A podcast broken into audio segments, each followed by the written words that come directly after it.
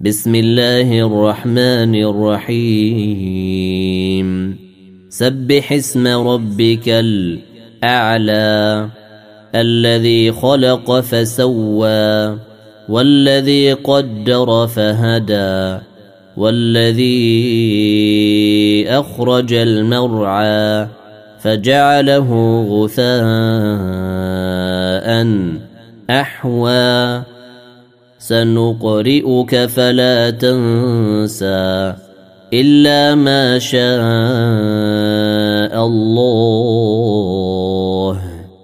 إنه يعلم الجهر وما يخفى ونيسرك لليسرى.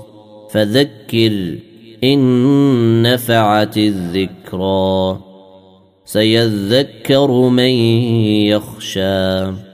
ويتجنبها الأشقى الذي يصلى النار الكبرى ثم لا يموت فيها ولا يحيا.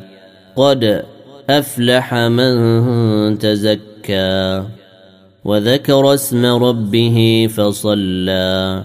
بل تؤثرون الحياة الدنيا وال الآخرة خير وأبقى. إن هذا لفي الصحف الأولى. صحف إبراهيم وموسى.